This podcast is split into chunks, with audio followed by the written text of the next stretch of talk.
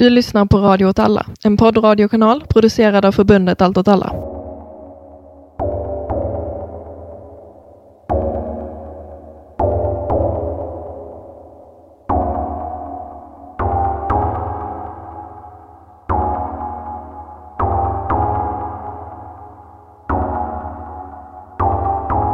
Hej och välkommen till Eldrörelse med mig Martin Hansson. Med mig, Myran. Det var länge sedan vi spelade in över Discord, höll jag på att säga. Det var länge sedan vi spelade in podd. Tillsammans. Jag har Ja. spelat in podd mest hela tiden sedan vi hörde sist. Ja, jävlar vad du har spelat in podd. Jättebra avsnitt. Tack, vad kul att du tycker det. Um, väldigt intressant. Har du någon uppdatering på vad som har hänt sedan eh, podden släpptes? Nej, men jag tror inte det har hänt jättemycket. Det verkar som att det är ganska lågintensivt helt enkelt. Man kan ju fundera på ifall det är främst ett försök att liksom få uppmärksamhet och en liksom, ja, lite en, en propagandastunt på ett sätt, men samtidigt som de pratar om det som att det är liksom, nu är det krig till seger eller död, så verkar det ju inte så. Men Nej, nej, det kan man ju tänka sig. Hur är det med dig? Jo, nu är jag lite seg i huvudet eftersom jag inte har gått och lagt mig föregående natt. Det är så igen. Eh, Du har varit på svartrev. ja, men jag, har, det har bara, jag har varit, jag har varit eh, covid-sjuk ju. Och då Mm. så har jag bara varit hemma och sen så har jag ställt om dygnet fel då. Så nu så ska jag ställa det rätt igen. Då tänkte jag då, Det är inte en av symptomen på covid. nej, men det blir lätt så när man är isolerad hemma bara och inte har några tider att hålla liksom. Nej, att man börjar dygna? Nej. Nej, nej. Nej, men att man börjar få fel dygnsrytm. Ja. Man är uppe längre och längre på natten och till slut så sover man hela dagen och så blir det bara fel. Vem är jag att döma dig? Inget mänskligt är mig främmande. Homo sum humanum nihil, ja, med, nej, eller genom puto. Okej.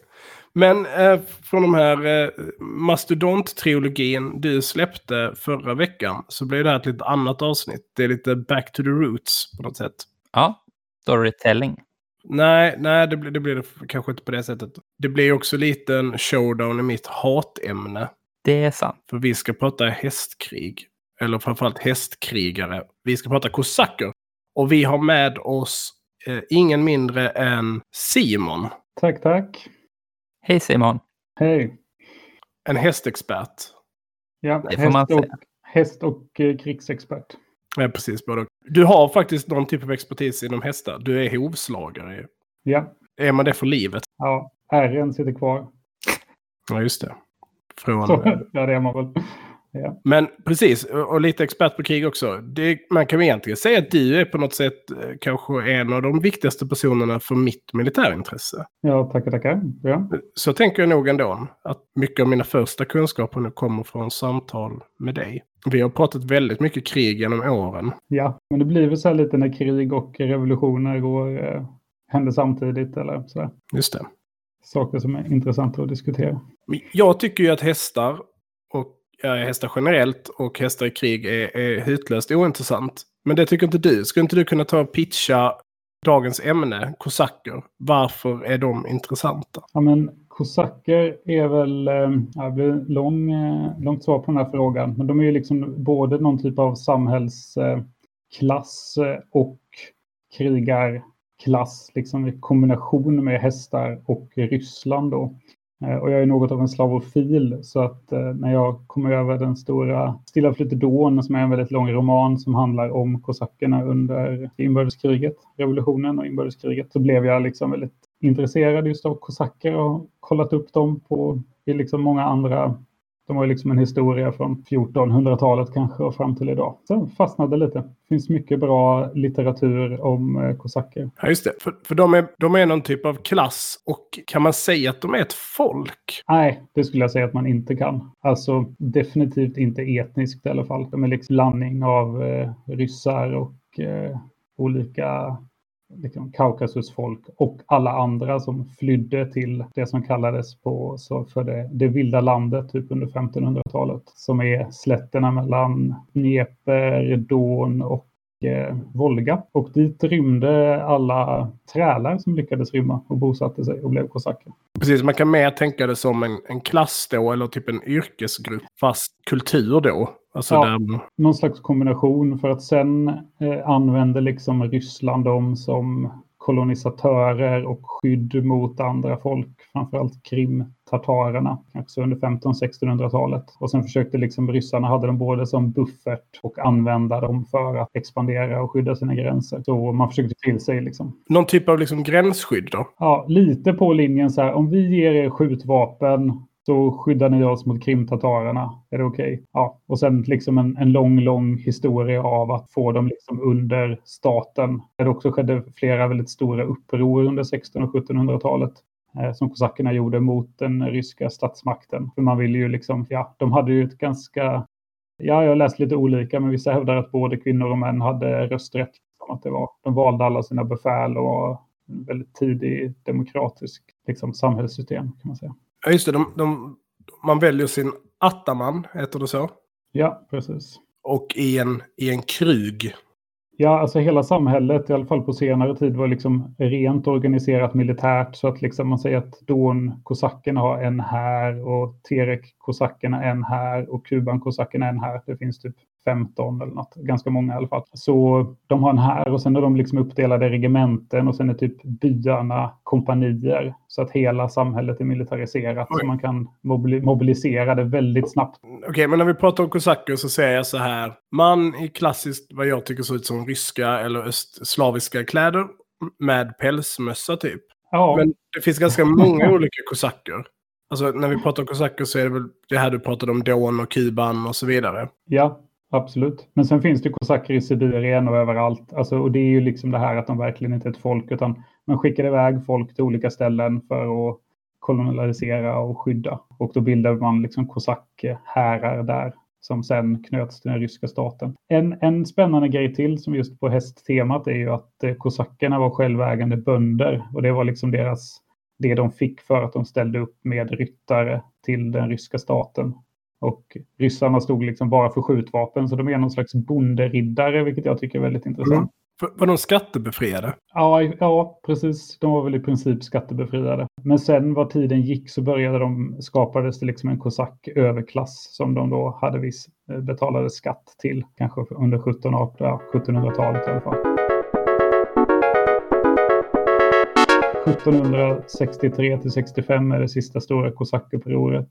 Pugatjev-upproret. Och eh, det krossades ju väldigt brutalt och efter det så gjorde liksom kosackerna aldrig uppror igen utan då var de de gick liksom från att vara upprorsmakare till upprorsbekämpare. Mm. För det är ju lite intrycket man har dem kanske i, idag och i tidigt 1900-tal att de är väldigt tätt knutna till staten. Ja, precis. Och det blev väl liksom konsoliderat under Napoleonkrigen kan man tänka. Då var ju kosackerna en viktig del av den ryska armén för att slå Napoleon.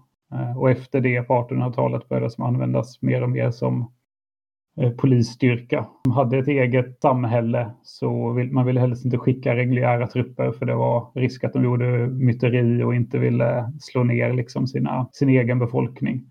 Eh, Så då skickade man kosacker istället.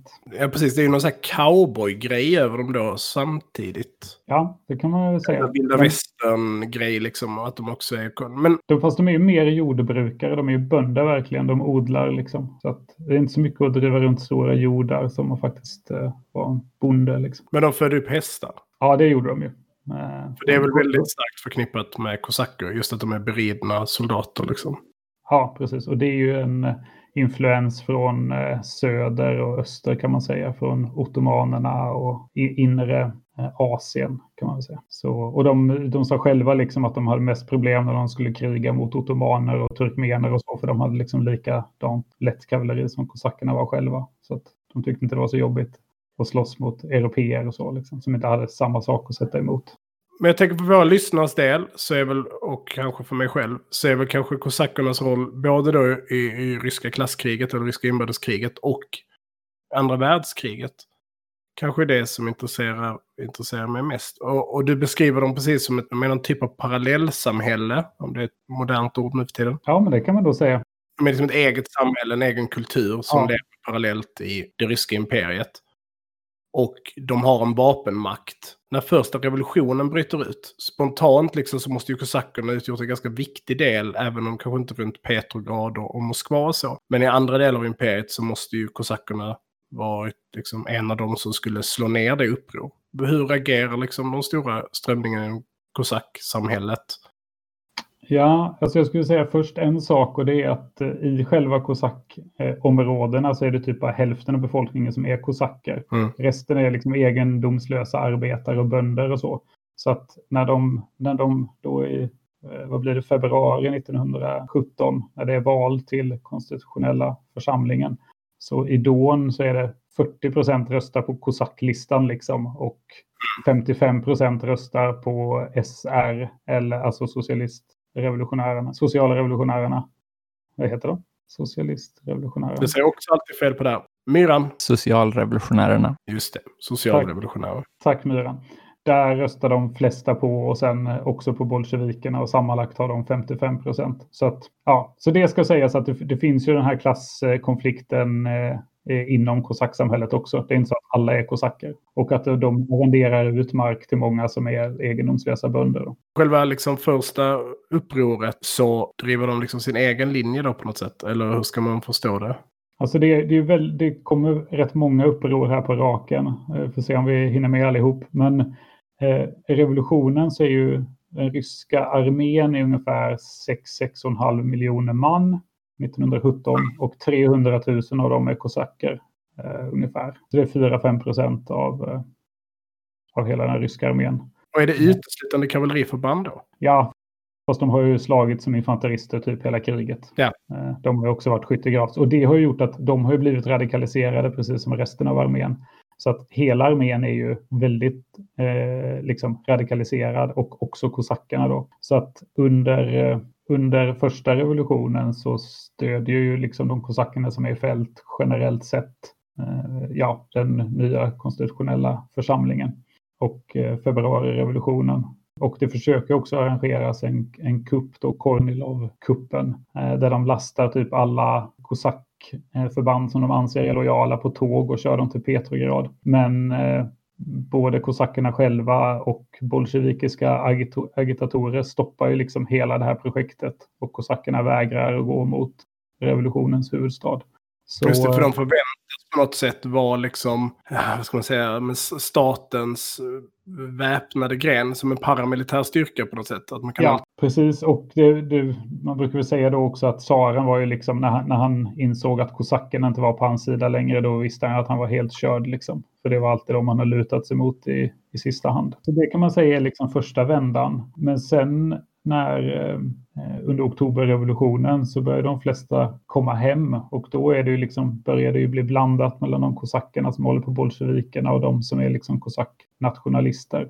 Och hela Don blir ju övertaget av bolsjevikerna och sovjeter. Men sen gör då kosackerna uppror och då, liksom när de yngre, yngre radikaliserade kosackerna som varit vid fronten kommer hem och eh, kommer liksom under sina, de äldres inflytande och så, så överger många bolsjevikerna. Vi pratar om Don här, var, var ligger det rent geografiskt? Var, var Don Don är en flod som är, ligger norr om eh, Svarta havet. Ja, ovanför Krim, liksom eh, öster om Krim. Är det så? Jan som flyttar genom Stalingrad? Nej, det är Volga. Men den ligger Nej. ju ganska nära liksom. Eller så här, jag vet inte, 30 mil eller något. Jättenära i Ryssland. ja.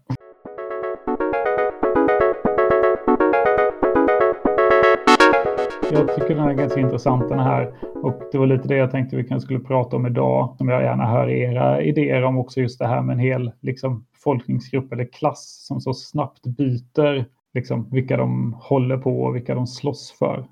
Det tycker i alla fall jag är ett väldigt eh, intressant, eh, en intressant sak i hela den här historien. Alltså jag föreställer mig väl att det måste ju ha skett någon typ av förhandling mellan de här alltså kosacksamhällena, som ju de kallar sig fortfarande.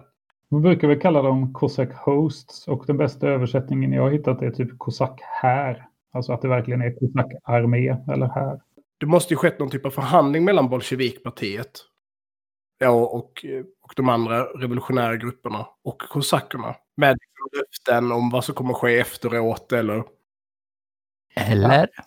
Eller?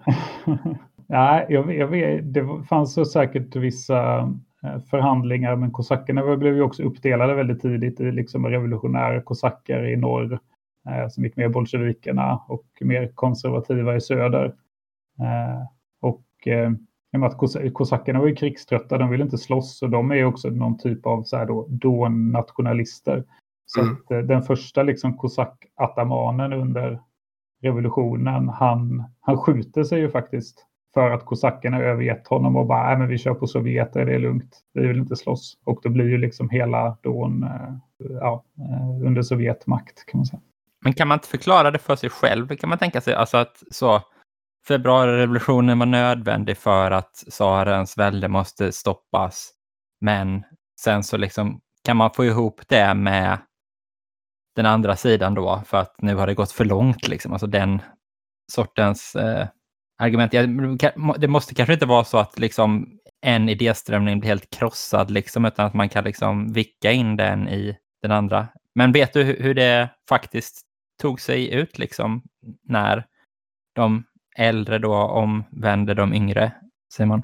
Nej, in, inte faktiskt. Eh, det är ju beskri alltså hela det som är roligt är att Stilla flyter dån, den följer ju liksom hela den här eh, processen och alla vändningar. Ehm, och han började ju skriva den, författaren, just för att förklara varför kosackerna inte gick med Kornilov under den här liksom, kuppen mot Petrograd. Eh, och sen blev det att han skrev en hel roman, eller femdelars roman. Liksom. Så att, ja, och allting alltså, är skönlitterärt? Ja, alltså den är skönlitterärt, men det är också, den är ofta refererad till när man läser andra böcker om eh, liksom kosackerna eller inbördeskriget. Så att, ja, den, den, följer väldigt bra och han var ju kosack också, eh, Sholokov, som skrev den. Men det som händer där då under vintern är ju att eh, kosackerna ser på något vis chansen att bli självständiga.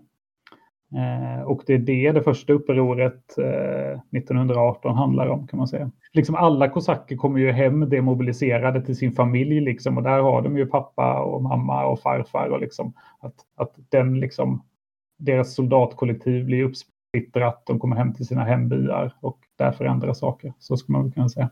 Men för den parallellen jag kan dra, där rör det sig mer om en etnisk grupp liksom, men det är ju många av dem minoritetsfolken i Vietnam till exempel under Vietnamkriget. Hur många av dem en, kanske inte skiftar sida i stor utsträckning, men antingen ställer sig neutrala till hela konflikten och är så här, vi har inte med det här att göra. Eller eh, de man då felaktigt kallar för Montegnards, alltså höglandsfolk, eh, bland annat eh, humongerna och så. Att man de ser sin chans att stärka sin ställning från att vara eh, negativt särbehandlade både i Sydvietnam och i Nordvietnam, så är de tidiga, delar av de samhällena är tidiga på att till exempel konvertera till katolicism för att liksom få beskydda fransmännen mot Viet och sen samarbetar de med USA för att få liksom någon typ av beskydd både mot den sydvietnamesiska och den nordvietnamesiska staten. Och att man är rädd då för att också att det här, det här är mycket senare så man har väl kanske, man kanske har en tydligare bild av vad, hur de här kommunistpartierna behandlar minoritetsfolk med assimilationspolitik och liknande. Så att man är väl också rädd att upphöra att existera. Och det kanske kosackerna inte riktigt kunde se eftersom att det som händer i Ryssland är det första av sitt slag på något sätt. Men alltså möjligheten att vara kosack under bolsjevikpartiet styr på något sätt. Eh, nej men det, det som eh, man kan säga om den processen är väl också att vissa av kosackerna är ju rädda, alltså det är väl lite så här, när alla de jordlösa ska ha marken, kommer de då också få kosackerna, de självägande böndernas mark, eller kommer de bara vara liksom de stora jordegendomarna som delas upp och vem som kommer då få det? Så många kosacker är oroliga för att de faktiskt ska förlora någonting. Men i och med att kosackerna också är olika rika och fattiga så blir det ju en, en delning där mellan de som kanske tror att de kommer förlora mest på Sovjetmakten och de som tror att de kommer att vinna på det. Så att där går det liksom någon sån slags liksom, linje också för nord och syd och liksom hur rika kosackerna är, hur bra marker de har, hur många som, är, som går med de vita sen eller slåss tillsammans med de vita och vilka som är, är röda.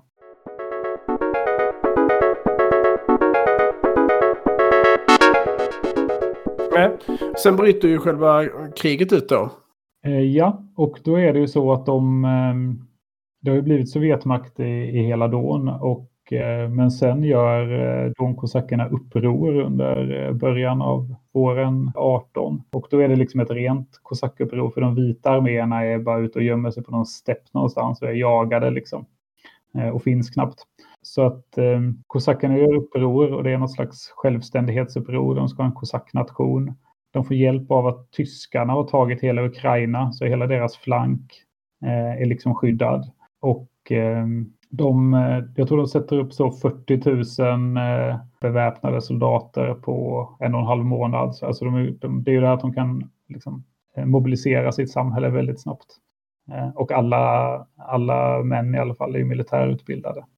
Har de också liksom alla vapen och sånt hemma då? Är det någon sån alltså- hemvärnsliknande struktur eller hur, hur, ser det ut på den tiden? Att alla tog typ med sina vapen från fronten. Ja. Alltså när man drar hem 1917 så tar alla med sig sina vapen. Eh, och det gäller nog alla. Och det. Det, det är liksom ett inbördeskriget börjar ju redan efter 2000, eller 1917 kan man väl säga, men med liksom röda garden och miliser och demobiliserar soldater. Och då är det ju mest att man då åker järnväg till olika ställen och liksom hjälper Sovjetmakten på olika platser där den är utmanad. Så, eh, så det är nog bara ett väldigt beväpnat samhälle helt enkelt. Alla, alla har tagit med sina vapen. Och man gömmer naturligtvis undan dem och säger att man inte har några vapen. När det blir Sovjetmakt i byn till exempel så gömmer alla kosackerna sina vapen och så ja, plockar man fram dem sen när man tycker att man behöver dem. Eh, så, så det är väl det, är det första upproret och det är ju väldigt eh, framgångsrikt. Och, eh, men sen går ju då, det är ju ändå ett uppror mot, mot bolsjevikerna. Så de går ju till motattack och tar hela Don igen under början på 1919. Men innan det har ju kosackerna varit ända vid Saretsyn, då det som blir Stalingrad, på egen hand tagit sig så långt eller upp i Ryssland. Och det är ju de som hotade när Stalin och Trotskij blev osams om hur man ska organisera Röda armén i Tsaretsyn. Så det är lite så kul extra historia. Ja, men sen, eh, sen tröttnar kosackerna och eh, eh, ja, nu har de vita kommit med i, i kriget också, men eh, kosackerna de beger sig hem för de är trötta på krig, så de öppnar ju i princip fronten och då tar eh, Röda armén tillbaks hela dån i början på 1919. För att de bara var trötta? Ja, men lite så. Det är ju först världskriget och sen detta och då är de ju också utanför liksom dånområdet. Och där kan man väl se det lite mer som den här regionala grejen, att de faktiskt inte är så intresserade av att slåss utanför det som de anser är något slags kosackområde. Så de hamnar i konflikt med de vita, ja, alltså inte lika allvarlig konflikt som med eh, Röda armén som de ju slåss mot. Men eh, de vita arméerna är ju mer rent reaktionära. Så att eh, de vill ju fortsätta ta kriget i Moskva och utrota kommunisterna.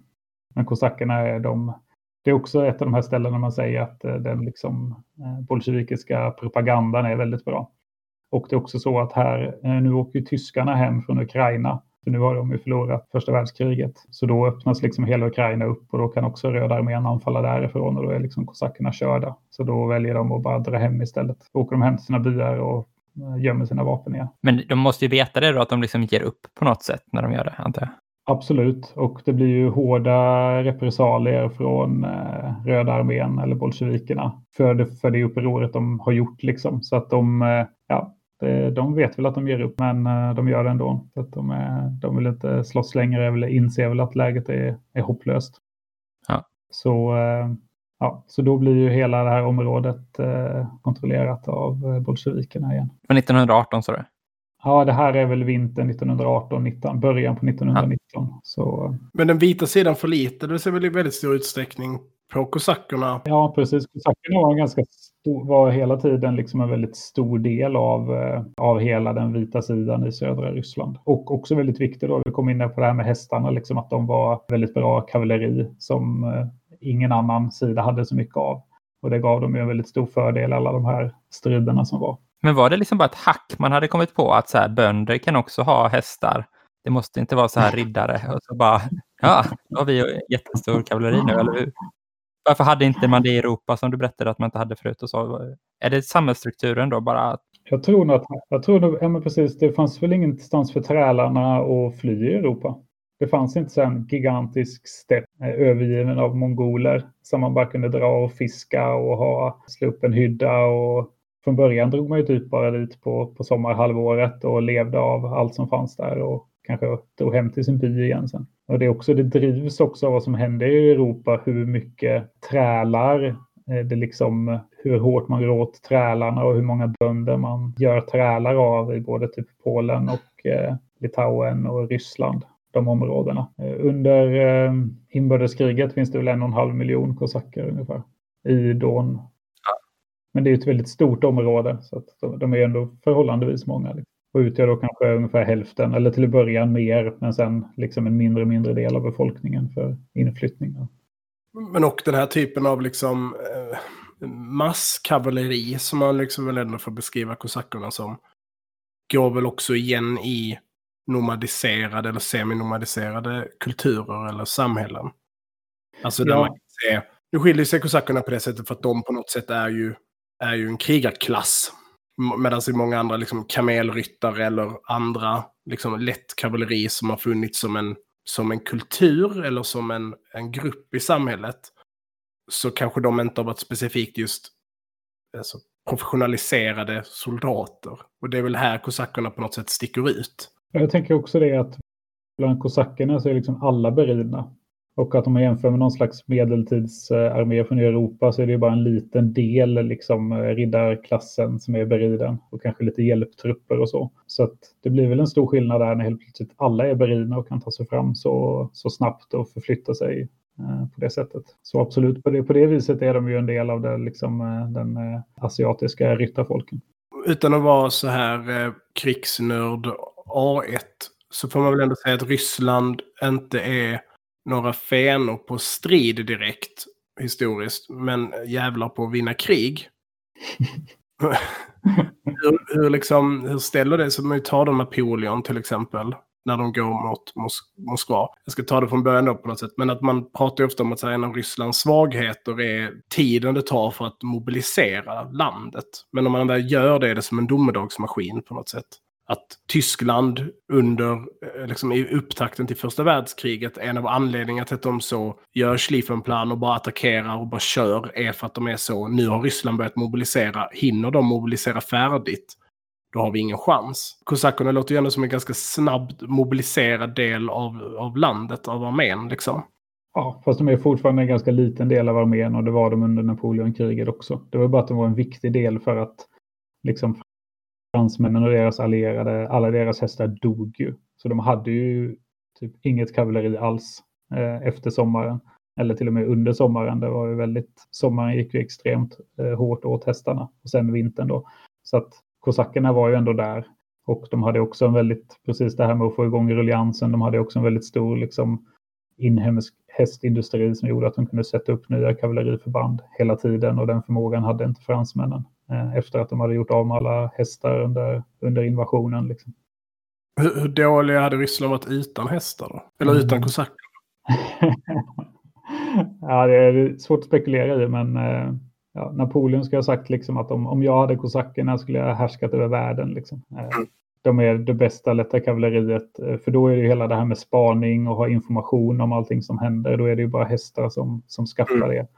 Eh, det är inga flygplan, det är inga telegrafer, det är inga eh, järnvägar. Liksom. Då, då är det hästarna som skaffar det här. Så det handlar mycket om att ha liksom, en eh, skärm av ryttare som döljer sina egna rörelser eh, under Napoleonkriget.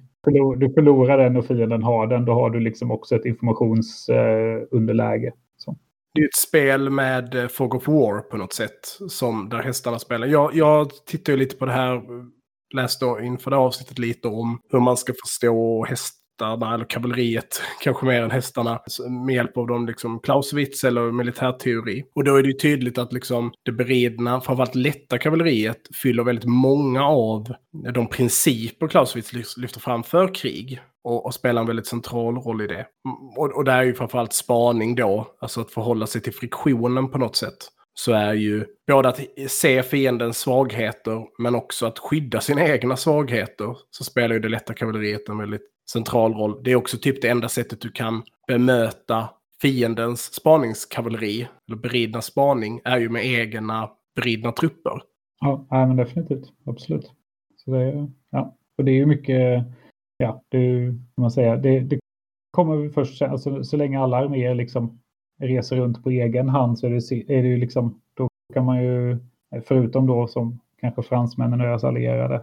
När de ska anfalla Ryssland så har de ju bara inte mat till hästarna så de bara dör ju för att de liksom pressar på så hårt.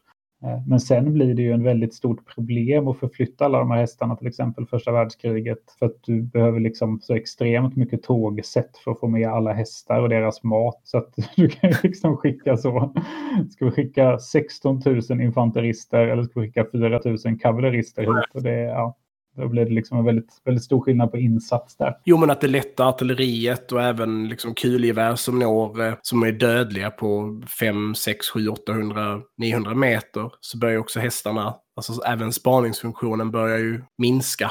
Liksom. Ja, precis. Och Eh. sen är det ju de kontinuerliga fronterna under första världskriget har ju verkligen död på det. Så. Men det är ju de som öppnas upp sen under, under inbördeskriget. Då slåss man ju mest längs med järnvägslinjerna, liksom från och mot Moskva och Petrograd. Och då är det helt plötsligt mycket mindre styrkor inblandade. Så att man kan alltid utflankera någon. Man kan alltid ha mer rörlighet och det är ju kosackerna väldigt bra på här. Framförallt under början på kriget. Men lämnar liksom kosackerna ryska inbördeskriget i det skedet där, där eh, Tyskland drar sig ur? Jo, det som händer sen är att när då kosackerna drar sig tillbaka den här första gången och eh, det gör ju också att de vita, de andra vita trupperna får retirera och eh, då börjar det liksom också någon slags osämja mellan kosackerna och, eh, eller friktion i alla fall mellan kosackerna och de vita. Då kommer ju, ja, de röda tar typ hela dån igen och sen under 1919 så gör kosackerna uppror igen för att då blir liksom många, man går ganska hårt fram, kanske under terrorn, men framförallt liksom i byarna och så runt att man eh, arkebuserar kosacker, eh, förbjuder folk att kalla sig kosacker och andra saker i byarna som har gjort uppror då. Och det är ju mycket hårdare än det, eller liksom repressalier än det som har hänt 1918 då det i princip inte har varit några repressalier. Då har det varit Sovjetmakt och alla kosacker har inte gillat det, men det har liksom inte hänt så mycket mer än det. Så då gör kosackerna uppror igen. Då slår sig de vita fram till kosackerna och sen liksom förenar de sina arméer och eh, påbörjar den, eh, den liksom allvarligaste framryckningen mot Moskva under hela eh, inbördeskriget och det är ju sommaren eh, 1919. Så att då är det liksom det andra kosackupproret som man, mot, mot Sovjetmakten. Så då kan man ju, ja, då, då har de gjort det igen liksom. Är det då Makhno och de i Ukraina typ stoppar den framryckningen och på något sätt räddar bolsjevikerna? Ja, men jag tror det är där som Makhno är inblandad. Eh, Ukraina svänger ju jättemycket fram och tillbaka inom kriget.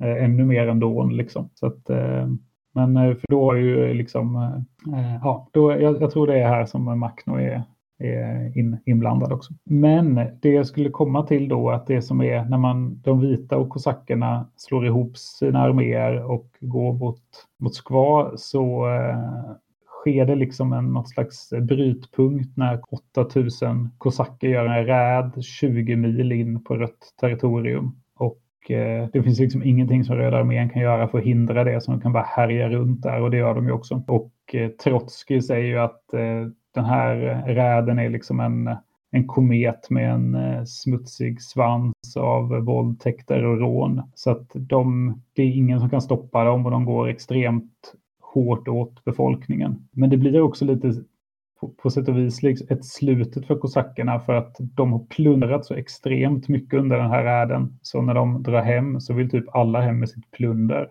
Så att nästan hela den här styrkan är antingen helt demoraliserad eller deserterar. Och det är ju liksom mitt under den stora framryckningen kan man säga mot Moskva. För att de bara vill ta det de erövrat och sen så dra någon annanstans och liksom... Ja, hem till sin by och lasta av allting. Okej. Ja, och sen kanske stanna där för att det gick ganska bra. Men alltså, inte de grejerna sen då... Alltså, inte som en jättebra plan tycker inte jag det känns. Nej, det är lite som att det är lite som att det här händer lite både då när de tröttnar på kriget 1918 som de har satt igång själva och eh, när de drar hem efter den här räden. Men eh, och där kan man väl, eh, tänkte jag också om någon av er har någon så här just det här med att liksom släppa lös det rånmördandet, liksom att det bara det förstör också liksom hela kosack eh, eller stora, det är en viktig del av kosackarmén liksom. Alltså, du menar självbild och moral och sådana saker eller? Ja, så att de slutar fungera som en militär enhet för att alla bara plundrar och sen vill ta hem sitt plunder. Ja, precis. Och att de, eh, att det är säkert någon, någon typ av eh, strategi att begå de här eh, liksom, eh, övergreppen på befolkningen. Men det, ja, det, det slår ju verkligen tillbaka militärt. Då. Så, men eh, då inser ju bolsjeviken att vi behöver vi måste ha någonting för att kontra det här, för de använder så mycket hästar på en gång. För att lyssna ordentligt här. så då, då grundar man ju den röda ryttararmén som ett svar på det. Som också är en sån stor styrka tidigare. Kanske man haft lite mindre kavalleristyrkor som har gått runt flanker och förflyttat sig och så. Men här är det ju då kanske 10 000 ryttare eh, uppbackade av pansartåg och sådana här Tashankas eh, vagnar med kulsprutor på. Hästvagnar alltså. Och det är ett väldigt viktigt instrument sen i att slå tillbaka de, eh, de vita och vinna kriget. Det är liksom den enheten man flyttar till där man vill vinna kan man säga första hästarmén. Så de fungerar som en typ av då, så här proto-stridsvagns ja. kårer liksom? Eller ja. armé? Det kan man absolut säga att de går ut på så djupa flankanfall som liksom slår till kanske då 10-20 mil bakom fiendens... Alltså att de kan förflytta sig väldigt snabbt, slå till och skära av hela... Och slå sönder liksom logistiklinjer och, och liknande. Ja, precis. Jag måste bara fråga, hette den första hästarmén? Inte ja. första ryttararmén, utan hästarmén? Ja, det, det, finns lite olika översättningar, men eh, Con Armaya är ju typ hästarmén, som man kallar den. Så, liksom. men det är ju... roliga bilder här med hästar klädda i uniform. Och, ja, men... Precis, det framstår eh, anklagelsen om att de tränade, vad var det, narvalar eh, eller någonting framstår som ett skämt när man får reda på att de tvingade ut 10 hästar i mularna. För, för... Och de var skitbra på att slåss. Ja, just det, de vann. Så det var det. det kommer ju onekligen så att man börjar ifrågasätta Rysslands förmåga att strida. De var ju så bra hästar så det gör ingenting. Ja. Eh, men jag tycker det är, det är en väldigt så här, eh, det är en kul grej med den tidiga Sovjet, eh, med Röda armén och så, och, och hela bolsjevikpartiet, att de döper allting till så här väldigt fantasilösa men ändå roliga saker som Rev, Kom, Mil. Det är liksom revolutionära kommunistiska militärrådet, alltså så att de heter bara sådana, ja, så det är inte ett dugg konstigt att den liksom heter eller kallas för första hästarmén. det var det det var. När vi tänker på det här med banditer och så, det du pratar om, att det tänker jag är verkligen ett sånt eh, ett, ett klassiskt, eh, klassiskt misstag. Att man som stridande part i trängt läge förhandlar med en grupp som egentligen kanske inte har så mycket lojalitet mot den, den, liksom de militärpolitiska målen du har och får med dem, ofta då ut, liksom i, i löfte mot betalning. Och i och med att de inte har då, alltså man pratar om under krig som är förlängningen av politik, så har de inget intresse i de politiska målen och därför ingen lojalitet gentemot dem. Och det kan det... ju tillbaka extremt dyrt. Ja, och det kan vi ju verkligen se här med den här räden som kosackerna gör för att då, de har ju liksom, då har ju de befriat hela Donområdet igen. Så de är väl i princip ganska nöjda på något sätt. Men de är ju en väldigt viktig del av den vita armén. Så de vill ju att de ska fortsätta. Men istället så drar de iväg på den här räden och kommer inte tillbaks liksom förrän de är typ har förstört sig själva. Så och du såg ju också ett extremt hat liksom, i befolkningen mot de vita liksom, för att de beter sig bara mycket värre än de röda när de eh, drar runt på de flesta ställen. Ja, alltså, det är väl också här någonstans där man tänker att eh, kosackernas liksom, legosoldatsbit på något sätt blev väldigt tydlig. Alltså det kan man väl... Innan var de ju, alltså, eller innan, men de, de var ju på något sätt en klass eller liksom en yrkesgrupp eller en samhällsgrupp men det här med att skifta sida och göra det för sin egen vinning och sen i slutändan så, alltså det här du beskriver ju inte ens för egen, eller det är ju för egen personlig vinning på något sätt. Ja. Det, är ju, det är inte för kosacknationens vinning, för någonstans måste de ju fatta, det är dumt om vi sticker tillbaka nu och lämnar vårt, vårt plundringsgods liksom. Så ja. vinner vi inget krig. Nej, men det är väl det att där är de inte en, det är liksom inte en enhet på det sättet, utan det är var och en för sig själv. Men hur slutar kosackernas roll i, i, i ryska eh, inbördeskriget? Ja, det är ju ganska ja, det är spännande, för när de blir tillbakadrivna då bland annat av eh, den här hästarmén som kommer och river upp deras flank och slår djupt in i deras bakre linje så, ehm, så flyr de ju till, ner till Svarta havet tillsammans med alla vita arméer. Men de vita har ju liksom förtur på något sätt så det blir ganska mycket kosacker kvar där. Och då enrolleras väldigt många av dem i Röda armén som ju vill utöka sin hästarmé. Ehm, de behöver mer hästar. Det finns också det väldigt, alltså, un, un, när det här med hästarmén kommer så har ju Trotskij har ett slagord som är proletärer till häst. så det är, Vänta, var det bara så? Ja, bara så. Inget slagord. jo, det är det visst. En paroll då. Proletärer ja. till häst. Alltså som hur viktigt det är att, att Röda armén inte har något bra kavalleri och att de måste ha det. Att, och då är det ju mest röda kosacker, kosacker som har fått stryk och tvingas alltså sona sina brott på något vis genom att slåss i Röda armén. Och eh, ja, någonstans har jag läst att det, liksom det i Röda armén det räcker med så här att du har eh, varit betjänt i ett hus där det fanns ett stall så är det kavalleriet direkt. Liksom. Alla som har någon slags hästexpertis blir eh, eh draftade till de här. Du hade blivit kavallerist i Ja, det hade definitivt. Jag hade väl blivit som fälthovslagare och fy fan vilket helvete det hade varit. Alltså jag måste bara säga, den här slagordet, parollen, proletärer till häst. Ja. Hur tycker ni det står sig mot exempel det här? Malmö får inte bli som Stockholm. Ja, just det.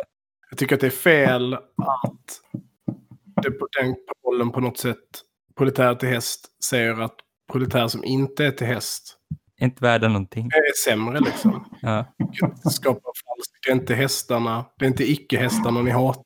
Det är kapitalismen. Ja, det tycker jag är viktigt att komma ihåg. Det tycker jag är viktigt att komma ihåg. Att även proletärer utan häst är också proletärer. Ja. Men det är inte det enda Trotskij hade fel om. Men, men, äh, alltså, jag skulle säga att Trotskij hade rätt här. Att, att kavalleri är proletärer till häst. ja. Och det var det de behövde för att vinna klasskriget. Ja, men alltså, var får de alla jävla hästar ifrån då? Ja, bra fråga. Vet är det Mongoliet också? Liksom? Jag tror inte att det är så mycket Mongoliet faktiskt. Men att man har väl en väldigt stor häst. Eh, alltså det är väl lite som med vapen under ryska inbördeskriget. Att det finns så mycket vapen och vapenfabriker kvar. Men alla som slåss är mycket färre. Så att det liksom är aldrig något problem att skaffa fram vapen. Eller problem är det väl, men det liksom, man har väldigt mycket kulsprutor till exempel jämfört med hur mycket infanterister man har och så här. Vadå så mycket färre? För att folk har bara deserterat och slutat vara med jämfört med ryska armén? Ja, Kejsararmén? Om ryska armén var då, om det var 300 000 kosacker i den och 6 miljoner andra så kanske det slåss. Röda armén är väl ganska stor, de har väl ett par miljoner man på slutet, men här i början 18-19 eh, kanske de har en miljon, två miljoner och det är hela Ryssland liksom och då slåss de ju på hur många fronter som helst. Så att det, det finns liksom mycket vapen jämfört med hur mycket soldater man har. Så det är verkligen någon samma... samhällskollapsscenario på ett sätt då liksom som... Ja, absolut. Och sen är det också... Det... Jag har aldrig riktigt tänkt på. Mm. Ja, och också att det är så många som har varit i kriget och att det är samhällen, i alla fall kosackerna då, som är så militariserade så att Eh, ibland när man läser de här böckerna kan man verkligen, de, liksom, de sätter ju upp en armé på nolltid. Alla vet vad de ska göra, liksom, alla är tränade, alla har varit i kriget. Så det finns ju då kunskapen om krig också från första världskriget. Det finns ju liksom ja, överallt kan man säga. Ja, och då i alla fall när man har draftat alla de här kosackerna eh, efter den slutliga erövringen av Don då kan man säga så eh, använder man ju dem i hästarmén som man sedan sätter in i Polen Eh, för att eh, slåss mot liksom, de, de polska reaktionärerna. Efter att de har anfallit Sovjetunionen tycker jag ja. är viktigt att säga här. Två gånger, ja alltså att Polen har anfallit Sovjetunionen, ja, ja, ja definitivt. Mm. Mm. Så är det. Och det, man har ju också vissa idéer om att, att, sprida det här för att det är ju revolution i Ungern och ja, på olika ställen i Europa. Att man tänker att man kan, kan sprida ryska revolutionen i hela Europa. Och parollen proletärer till häst. Ja, proletärer till häst. Så eh, då känns jag ju många av de här liksom, kosackerna som kanske har varit röda kosacker hela tiden och sen många då som har varit vita eller upproriska kosacker slåss ju tillsammans i Polen. Så, och då eh, det andra och lite mer lättillgängliga lästipset är ju här Budonnys Röda ryttararmé som är en novellsamling av Isak Babel som är extremt bra. Som jag rekommenderar alla att läsa. Den är inte så lång. Det är korta historier från en krigs... Ja, han var krigskorrespondent i hästarmén. Det är mycket gnägganden och sånt. Jag tänker ju då på andra världskriget. Som jag har förstått det så är det ju så att tidigt i, i Sovjetunionens historia så har man en ganska repressiv politik mot kosackerna. Ja, precis. Kanske lite till följd av deras eh, ställning i, i inbördeskriget, men, men också för att man liksom den här idén om Sovjetmedborgare och så vidare. Alltså någon typ av assimilationspolitik, om man får uttrycka det så. Det är ju lätt att stämpla kosackerna som kulaker också, för de är ju ganska ofta självägande bönder. Så att jag tänker att de eh, stryker med på det tåget. Kulaker till häst. det lever vidare. Alltså hur ser det ut under, under andra världskriget då? Det är proletärer till häst. Men finns det liksom kosackförband eller sätts det upp liksom? Alltså, redan innan kriget sätter man faktiskt upp typ eh, några kosack, två kosackdivisioner tror jag 1936. Så då lösgör man väl lite på den här antikosackpolitiken eh, man har haft. Och sen under andra världskriget så är ju, är ju liksom det röda kavalleriet också relativt viktigt, framförallt i liksom träsk och skogsområden och så. Och alla, det är ju man sett, det finns ju mycket mer reguljära kavalleriförband än kosack kavalleriförband i Röda armén, men alla har liksom kosackmössor och hattarna på sne och stora vida byxor och sådär. Så att det finns ju liksom en stor kosackbeundran hos i hela kavalleridelen av Röda armén i alla fall. Och eh, att ta med här är väl också att det är ju också kosacker som går med tyskarna och låter sig värvas. Så tyskarna sätter också upp kosackförband. Det finns foton på så kosackförband med hakorsfanor och sånt också. Sen fick de krypa tillbaka. Eh, ja, ja. det här måste leva kvar sen också, eller? För att man tänker att man ser sådana här typ videos på ryska soldater i ryska, i den nuvarande armén i Ryssland som typ så här dansar kosackdans och sådana saker. Liksom. Absolut, och det är väl liksom- det är en del av någon slags ny policy då om Sovjet var, försökte liksom få bort kosackerna som samhällsgrupp så är det nu något som man försöker eh, använda för att stärka staten kan man säga. Något nationalistiskt projekt. Ja, alltså för kosackerna idag är ju, alltså 92 typ, alltså Sovjet faller, så ändras policyn mot kosacker. Och idag har de ett ganska märkligt system där man ju i princip man går liksom med i en kosackorganisation som ju då är liksom, ja vad ska man säga, men liksom en kulturförening om man får säga det så. Men liksom en, en, en samhällelig organisation du går med i som du sen registrerar dig gentemot liksom ryska staten och säger så här, vi är en, en eh, kosackorganisation. Och om man gör det så, så när de här kosacksamhällena då och registrerar sig så får de, eh, alltså jag skulle inte säga militär position, men du får liksom någon typ av licensierat medborgargarde som utgör liksom ordningsvakter och samhällstjänst. Var det de som piskade Pussy Riot i en kyrka, eller hur var det? Ja, precis. Jag tror att det är de. Sen är det lite komplicerat för att de får faktiskt inte bära piskor. Uh, utan det man får rätt till... Man, det man får rätt till när man liksom går med i den här organisationen är att man får bära uniform som typ ser ut som en polisuniform fast med lite detaljskillnader. Men man får egentligen inte göra några liksom ingripande, man får inte bära vapen. Så, här. så att man ska egentligen mest observera och ringa polisen. Och, så, men, och sen hjälper de till liksom vid olyckor och skallgång när folk är försvunna och så. Det är som ersättning. volontärer, fast de har inte gula västar utan de har... Precis, men och det här, fin och det här är ju ganska stor, alltså det är många hundratusen människor som ingår i det här. Och Sen finns det självständiga sådana här organisationer som inte har registrerat sig men som existerar i, i samhället. Och den största där är, ja vad fan kallar de sig? De kallar sig The All Powerful Don Host. Vilket bra. är ett bra namn. Som Donherren. Ja men precis, den allsmäktiga dånherren som har eh, också agerat som liksom legosoldater åt ryska staten. De stred i Transnistrien till exempel i början på 90-talet då. Men framför allt så är den stora grejen att de gör är att de går in i Donbass 2014. Och det hänger kanske ihop med att Donbass till 80% är kosacker. Alltså folk som identifierar sig som kosacker. Mm. Och ledaren för den här All Powerful Don Host, eh, Nikolaj Kositsin, han är från Donbass själv. Och i februari då, 9 eh, april, så utropar The All Powerful Don Host eh, att de ska in och, och slåss. Liksom. Vilket år då? 2014. Okay. Så det är ju, är ju rätt tidigt liksom. Och skapade vad de kallade för Cossack National Guard. Som okay. ganska... Eh, början var väl ungefär 300 stycken. Men senare har de liksom påstått att de har haft liksom styrkor runt 15 000 soldater. vilket ju är jättemycket i den här konflikten, och kom över massa eh, men, tungt krigsmateriel, stridsvagnar och liknande. Sen ska vi säga så att de kanske inte har presterat sådär skitbra i, i i Donbass och i de här andra områdena. Bland annat så finns det att de ska ha skapat ganska mycket, mycket kaos eh, i Donetsk och Lugansk och Donbass för att de var så här. Vi håller inte på, vi är kosacker. Vi ska bara plundra, ska vi springa hem och alla var grejen. Ja, men lite så. Vi, kan, vi kommer inte vara med i ett jävla skyttegravskrig. Vi ska anfalla. Nu anfaller vi! Och sen så, alltså, så här liksom myten om sig själva. Men de har liksom spelat en avgörande roll i många av de liksom betydelsefulla striderna i, i östra Ukraina.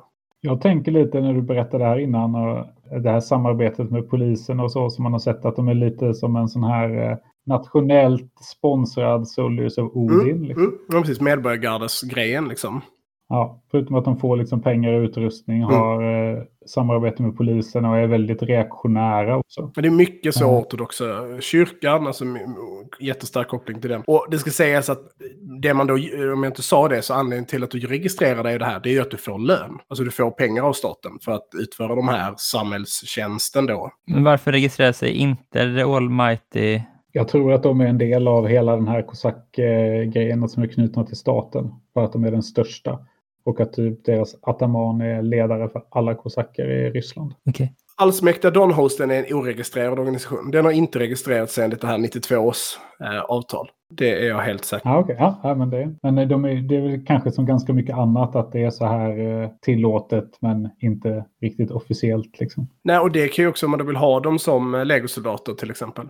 Så kan ju det vara bra att säga att man inte... Alltså pengarna kan komma in från andra håll. Sen verkar det väl vara, alltså att om man tittar hur de agerar när de är i Lugansk och, och Donbass och så, så är det ju också lite så här legosoldater slash kriminell organisation. På något sätt. Alltså att det, de tar helt så här jättehög skatt och utpressning. Och det är mycket att du, är det beskyddarverksamhet i de här kosackområdena när man måste betala procent till hären och så vidare. Alltså så att det finns nog mycket pengar i det eh, på det sättet.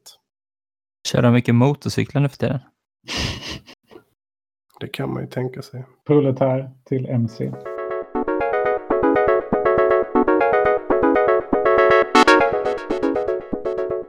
Jo, en sak till som jag skulle vilja säga är det här med som du var inne här på att de är ortodoxa och det har ju kosackerna varit i princip hela tiden. Och det var väl också en del av kanske upproren. Det är bara lätt som ateist att bara bortse helt från den religiösa dimensionen. Men det fanns en sån också där man såg inte så blit på bolsjevikerna som inte trodde på Gud. Så stark, stark liksom eh, ortodox tro. Och det säger man idag också att det är liksom att du, du ska vara ortodox troende och säga att du är kosack så är du kosack. Mm, just det. De två sakerna som är viktiga. Också att man odlar en helt ny liksom, ideologi eller historia om kosackerna där man säger att de alltid har varit knutna till härskaren eh, och så. En, en ganska ohistorisk eh, Ja. kan man väl säga, ohistorisk take på vad det har varit att vara kosack genom tiderna. Tsar Nikolaj höll inte med om den. Nej, precis. Spännande också, alltså, eller om man tänker både på kosackerna som är en grej, så är det spännande med att kosackkulturen lever kvar i den biten där hästkulturen lever kvar. Alltså hästar används ju i princip inte alls i moderna krigsmakter. Medan i det polisiära så kan man ju fortfarande se hästburen när liksom är enheter. Ja, absolut. Det är sant. Den, eh, och det, och, det kommer ju från sin början från det militära. Liksom. Att, eh, jag menar kronprinsens husarer högg ner folk i, i Skåne och så vidare. Så var ju det eh, när man tar in liksom militären i, i eh, det polisiära. Och nu lever hästarna kvar i det, i, det, i det polisiära. Och då är det väl också, alltså även om, om eh, Malmöpolisen har en förkärlek för att använda dem för att göra anfall. Så är det väl just av spaningsmässiga skäl de fortfarande finns kvar polishästspanare, är de kända eller? Ja, men civil, civilpolis till häst. Även att, du liksom, för- att den ger överblick och så vidare. Att det är liksom, visst, man ser dem vid upplopp och liknande. Men annars så är väl polisen någonting man har på liksom marknader och festivaler och liknande. Jag tänker att det här om vi... Eh, kavalleriet var ju liksom sett som en väldigt aristokratisk och eh, officers liksom, del av armén. Så att den var ju inte särskilt populär i Röda armén från början. därför blir det ett sånt stort brott med Trotskij och hästarmén och det. Även i Ryssland så sågs så kavalleriet som något aristokratiskt. Ja, ja visst. Alltså, Kosackerna, Som ju väl inte sågs som särskilt aristokratiska nej, men det fanns ju en, alltså när det kommer så långt fram som 1800-talet fanns det en kosackaristokrati som den ryska statsmakten hade knutit till sig. Mutat dem och de gjorde ju också andra kosacker fattiga genom att lura av dem deras land och hela den klassiska, eh, ja, hur man bygger en stor landegendom. Stormarken från bönderna. Så, så det fanns det ju. Men kosackerna hade ju sina egna officerare och de kom väl då förhållandevis ofta från, eh, från kosackaristokratin. Ja. Det är också en sån sak vad det gäller hur hela rys, alltså, ryska armén blir eh, radikaliserad under första världskriget. Det är ju att, för att på slutet finns det typ inga officerare kvar som från början av kriget. Ja, just det. Ja, Man- Att proletarisera ja precis. den, den delen. Jag har en liten annan fråga som jag har tänkt eh, många gånger att jag skulle vilja ställa till er och det är liksom är så här, ja, förutom de kosackerna som vi pratade om på slutet, vilka andra är dagens kosacker någon annanstans? Mhm den här särskilda, liksom, eh, på något vis privilegierade samhällsgruppen som är, har också någon typ av reaktionär eh, agenda eller kanske någon annan agenda. Alltså men om man tänker sig legosoldater och så, så är ju inte det på samma sätt en särskild samhällsgrupp och de har det väl inte så gott ställt generellt, tänker jag. Ja, det är bara, jag, jag har inte kommit på några bra själv. Det en sak som liksom, Det, det blir så tydligt med att det är en kultur. Liksom. Men man kan väl tänka sig om man skulle breda det lite så kan man tänka sig till exempel att amerikanska marinkåren till stor del. Så här, vi är en egen del av amerikanska armén. Vi, vi försöker jättemycket bilda en egen kultur där vi är på ett särskilt sätt. Vi har liksom någon typ av, i brist på bättre, men gammeldags krigarideal. Vi försöker stärka liksom. Sen är det ju ingen privilegierad grupp överhuvudtaget, utan det är väl det, det liksom största skitet. Men det är också de man använder hela tiden och man liksom förlitar sig på. På att eh, göra det jobbiga, liksom. ja, Eh, just det. Ja. Alltså kosackerna var ju liksom privilegierade jämfört med trälar. Ja, precis. Alltså, det är liksom inte så här, det var, det var inte liksom helt posh life eh, bara för att man var kosack. Men att Ja. det samtidigt då är någon så här grupp man är ganska orolig för och som producerar problem för amerikanska staten. Inte än på en stor skala, men liksom vad är det man säger? Nästan alla liksom massskjutningar är gjorda av marinkårssoldater, för detta marinkårssoldater. Alltså att det, det är någon typ av krigarkultur. Men, men det är klart, den parallellen blir ju, blir ju svår. Jag, jag tror att det är för att varför man liksom inte kan prata om det på det sättet längre. Det hänger väl bara helt enkelt ihop med att hela världen har förändrats. Marinkåren var ett skitbra svar. Jag tycker det var superspännande. Jag har inte tänkt själv. Att vi istället skapar dem artificiellt på något sätt, om man kan säga så. De här grupperna i moderna arméer. Försöken att skapa liksom, Ja, en kosack här. ja, ja på något sätt. Alltså för när du, min parallell jag drar när, du- när du säger så, ja men att ryttare var ju aristokrater, så tänker jag framför allt att det liksom är i Västeuropa på något sätt. Mm. Att, att man har liksom den här, det är dyrt med en stridshäst, det är dyrt med liksom rustning och vapen till, till sina riddare och, och senare då är det liksom, det är fint. Och sen så det som den typen av liksom klass i armén blir piloterna. Och framförallt stridspiloterna, jakt, jaktpiloterna. Medan den andra delen är ju att det mekaniserade tar ju på något sätt över delar av kavalleriets uppgifter. Ja. Men att USAs air cavalry experiment under Vietnam är ju inte fint. Alltså det är, inte, det är liksom inte eh, rikemanssönerna som hamnar i air, eh, air cav. Liksom. Men man försöker göra det, det här lätta infanteriet. Och därför blir det ju lite mer lätt, likt de här lätta kavalleriet. Liksom. Att det är snabba, lätta, eh, med stor fokus på manöverförmåga och, och göra motanfall och snabbt stärka upp svaga punkter och skydda flanker och så vidare. Och att det är den tanken som på något sätt går in när man gör aircab. Medans riddaren på något sätt snarare hamnar i cockpiten på en F16. Om ni förstår parallellen. Ja, jag tycker det är en jättebra parallell. Jag har inte så mycket att tillägga bara. Kosacken var inte fin på det sättet liksom. Nej, absolut inte. Det, Det var en soldat som skulle dö. ja, och som gjorde så här smutsigt polisgöra med att slå ner politiska och etniska uppror runt hela imperiet. Så absolut. Och där någonstans så behöver vi ta avrunda. Jag vill tacka Simon jättemycket för att du har deltagit. Tack, tack. Superkul att ha med dig. Vi fortsätter de här samtalen i en mer eh, social kontext. Myran, du har fått direktiv uppifrån, från redaktionen. Jajamän. Eh, jo, men eh, nästa torsdag efter det här avsnittet så är det den 31 december och då kommer det en årskrönika när vi brukar släppa vårt avsnitt. Så istället kommer vårt nästa eldrörelse komma på lördagen, alltså den 2 januari. Vi får alltså flytta på oss för årskrönikan. Men det är väl rimligt ändå? Ja, det är väl rimligt. Med de orden så avslutar vi. Man kan följa mig på eh, Twitter, det heter Trojkan1337. Man kan följa Myran på Twitter. Där heter han eh, Slukhål. Och eh, kan man följa dig på något sätt, Simon? Nej, det går inte. Men man, man kan följa din figurspelsförening. Ja, kriget kommer kan man följa. Kan du inte lägga upp lite schyssta kosacker där då? Det finns en del schyssta kosacker där redan, så det är bara att gå in och titta. På torsdag får du reposta dem på Kriget kommer. Skitbra! Tack så mycket för att ni har lyssnat. Tack och hej! Tackar, tackar. Hej då! Hej.